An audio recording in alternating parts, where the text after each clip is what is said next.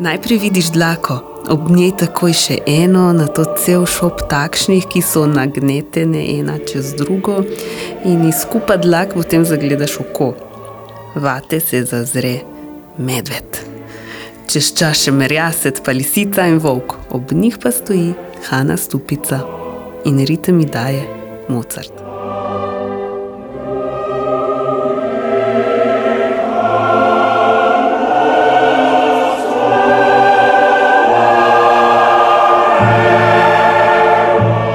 Nekako znam že na pamet to. Uh, Vse te latinske pesmi, ne pač vse maša. Ne? Ampak nekako dejansko pravijo, da Mozart je za koncentracijo. Ne? Je. Ja. Pač ne, ne poslušam besedila ne, na tak način, kot če bi recimo, ne vem, poslušaš angliške pesmi, pa zraven malo tavaš, kot tavaš čist na drug princip gledaš njene ilustracije, veš, da moraš odtavati, da ti domišlji prosto pot in pustiti potem, da na njo stopijo tudi vse njene gozne živali.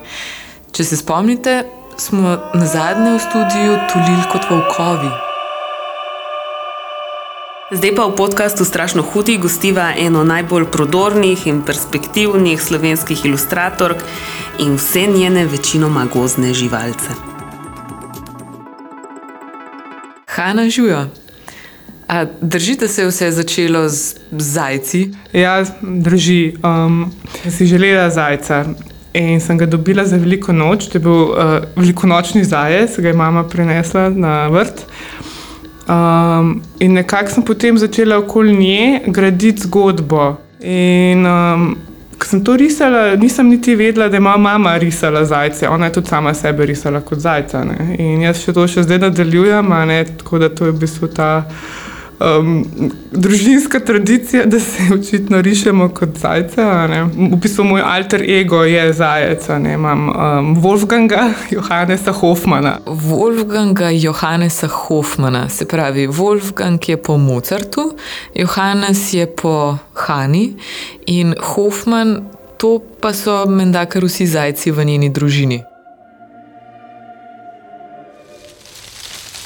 Hanna ima pa tudi navado risati drevesa in vanje skrivati živali. A se mi zdi pa, da to pride v bistvu od moje babice, ker uh, na njenem vrtu so tri stare jablane, uh, verjetno so sto let stare. In jaz sem se vedno igrala um, in tudi sedela na raznih drevesih, vedno gor v krošnjah. In se tudi niso, punčke niso bile tako moja domena, kot so bile recimo prišaste živali.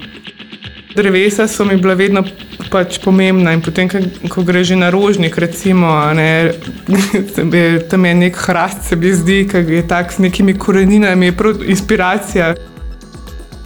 Kaj pa živali, Hanna, kako jih zagrabiš, kako jih preučuješ? Ali ste po učbenikih, jih greš opazovati v naravo? Če bi lahko jih opazovala, ja, seveda, ne. samo medveda, nažalost, ne morem imeti doma. Ne, pač, uh, To je bil tako moj um, izgovor, zakaj jaz rabim recimo, uh, živali doma. Ne, zato, ker Beatrix Potter je tudi imela zajca na mizi, medtem ko je risala Petra Zajca. Hanna ima, tudi tako sam mimo grede, eno tako malce nenavadno navado. Ponovadi moj Google uh, iskalnik ima same čudne te um, srče. Eh, ne vem, recimo v angleščini je kratko, eh, medved od zadaj sedi. Pač na tak način jaz to potem ali pa mačka gleda gor. Želi si nekaj, pač tako.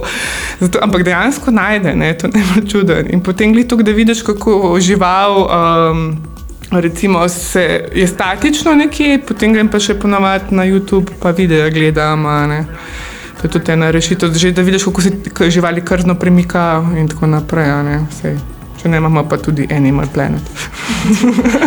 torej, koliko časa potem traja, da narišeš medveda od zadaj? od zadaj. Odvisno. Uh, velike od velikosti, pa od števila likov nasplošno. Um, recimo tudi za en lik sem porabila že uh, 14 dni, ampak je to bilo tako, da nisem risala po pač par ur na dan, zato ker je bilo to zameri in sem se pač igrala. Uh, to je recimo ta mandril. Um, pač zdi se mi, da je tudi nekako od koncentracije moje odvisno, nekdaj je res nimam. Pač to je, potem je bolj, da grem stran in ker vem, da lahko kaj zašuštram. in, um, Sam za čist preprost lik, po mojem, bi dva dni. No. Pa odvisno, seveda, kako bi imel zakomplicirano oblačilo. Sej, vedno bolj si uh, utečena, ne, tudi s čopičem, lažje ti gre. Kar zraste v njeni domišljiji, prenese na papir. Zveni zelo preprosto, ampak eh, vseeno se kdaj tudi kaj zalomi. Kaj ne? Ko sem medveda risala, sem ga narisala do zadaj, sem narisala čisto njegovo uh, zadnjo plat. In sem, te kocine sem jih nekako preveč počesala, in potem sem to gledala, ne, in to mi nekako ni šlo s karakterjem medveda skupaj, ker pač medved, a ne to je divja dlaka. Ne, in potem sem šla in še enkrat vse kocine na novo, in eno v eno smer, in drugo v drugo. Pač, ampak potem sem zgradila tisto, kar sem želela. Ampak avtomatično moraš že pri tem gledati, kako, v katero smer grejo uh, njihove, ne, ker v bistvu živali imajo neko um, govorico telesno. Ne. Kaj pa ljudje? Sprašujem zato, ker me zanima, ali imajo premalo dlak ali so sam preveč dolgočasni. Pri rokavičkih sem zelo uživala v tisti detkovi um, bradi, ne. tudi ene milijon skocin, ne. Ampak um, bolj, bolj so mogoče gube, um, ker uh, tako kot rišem gube na oblekah, uh, so gube na človeškem obrazu prepovedujejo zgodbo. Medtem, ker recimo otroka, z otrokom imam res problem. Zaenkrat, če um, si izgledajo ali bolni, uh, tudi avtomatično jih naredim tako um, zelo bledične. Uh, ampak to avtomatično pride iz tega, ker je moja mama risala te bele porcelanaste punčke in jaz rišem punčke na tak način, kot jih je ona, in, um, ker mi je to najlepša punčka. In nekako um, zdaj probam, ne vem, se mi bo babica pravi, pravi da mi bo pomagala. da pridem do svojega otroka, ne, ker nekako nočem pa to, recimo, kar je zdaj tako popularno, ne te velike okrogle glave in tega pač ne vem. Pa za luškane otroke, seveda imamo Jelko Rajhmana. Ne. Mogoče je zdaj že res napočil čas, da se usedeva s Hano za mizo in začneva gledati pod prste. Deva, deva spotiti. Okay. Hanna. Rišem čez cel dan, um, budilko imam ob devetih in lahko rišem potem do treh zjutraj. Pač to je problem in vse dneve v tednu. Ni tako, da bi recimo imela delovnik normalen, ne. to so vikendi. Pač zdaj sem delala nek projekt, ki sem ga risala tudi po 14 ur na dan. Ne. Pač to je, če treba, je treba. Ne. Ni, nisem tiste, nočem, ne maram zamujati rokov. Nekako hočem biti disciplinirana, vedno vem, da bom naredila. Pač ne bom spala, ampak bom naredila. Ne.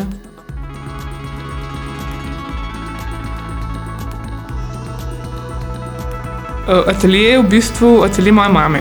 Um, in je zraven moje sobe, tako da v bistvu imam jaz sem deljeno tam, kjer delam z računalnik in tem, kar pač rišem. Je dokaj pospravljen.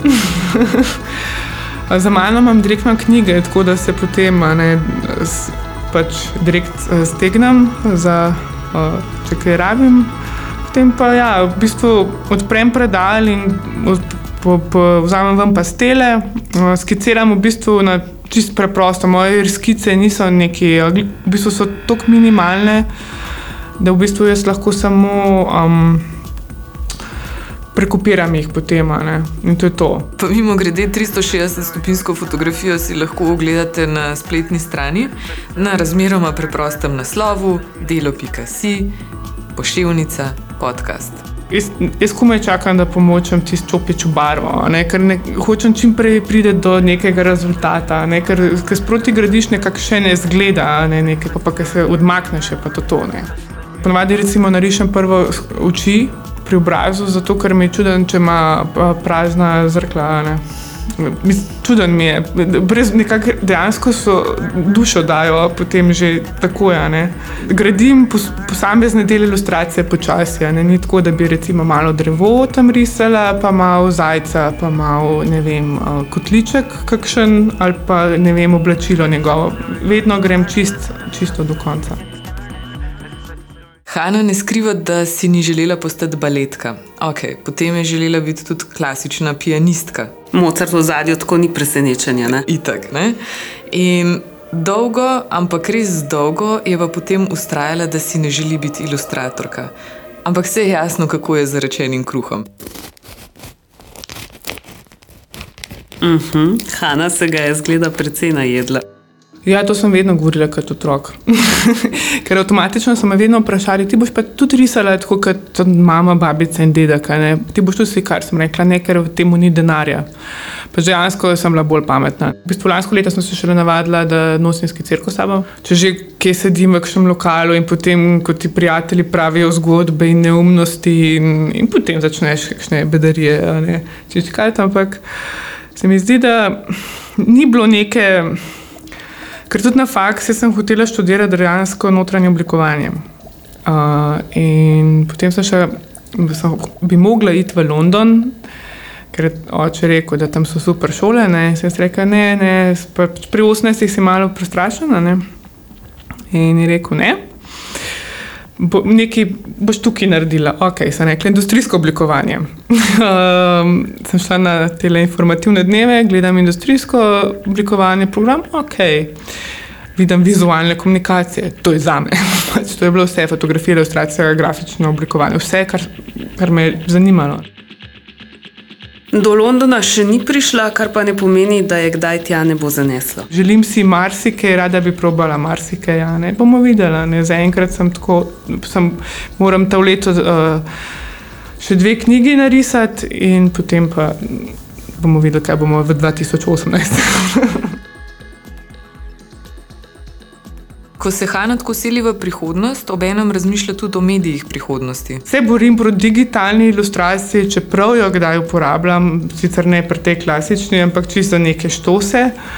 Ampak v bistvu so to nekako bolj izzivi za me, ker že da to, da ne pozabim programov, ne uporabljati potem uh, magar ali pa recimo narišem na roke in potem unesem in spremenim v vektorsko grafiko. Pa ne razmišlja samo o medijih prihodnosti, ampak tudi o svojem delu. Ker danes pač ne zadostuje, da rišeš, ampak moraš poleg tega znati izpolniti še kakšen obrazec, napisati račun in se obnašati kot en pravi podjetnik. Zelo.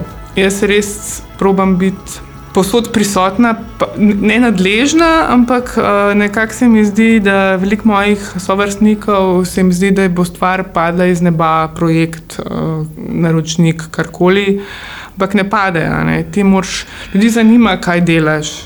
Uh, pač, Se trudim biti čim bolj ažurna, ne, tudi te objave ljudem zelo veliko pomenijo. Ne, ali pa mogoče že postopek, recimo, ko posnamem, kako kaj rišem, vidiš ta odziv ljudi, ki jim je to neko čudo. Treba se širiti, zdaj pa sploh, ker so take možnosti z ilustracijo, da lahko apliciraš na marsikaj, od majice do šalice do ne vem, ogledalca. Pač je škoda, da bi te stvari nekako se ti valjale doma, pa bile na računalniku. Ja, je treba biti manj umetnik, bolj, um, bolj poslovno usmerjen. Sklepava, da imaš v mislih tisto obdobje, ko so ustvarjali tvoji stari starši Marlenka in Gabriel Stupica, pa prav tako mama Marija Lucija. Pa mama je že imela probleme. Pač babica, pa ded, tako že okay, je bil on uh, rektor unive, uh, pač akademije, ampak de, v bistvu ona, ona je risala lahko moja babica cel dan, ded je tudi risal cel dan, oziroma je bil pač na akademiji. In to je bilo to, ne, pač imela sta gospodinsko pomočnico in novo hišo v Trnovem. Ne, pač je bilo to zelo, zelo, zelo normalno.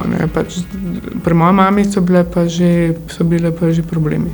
A pa se babi kdaj razhudi, ko vidi, kako mora njena vnukinja delati petke in svetke, zato da preživi pač. V bistvu ne, ona je kar nekako ne.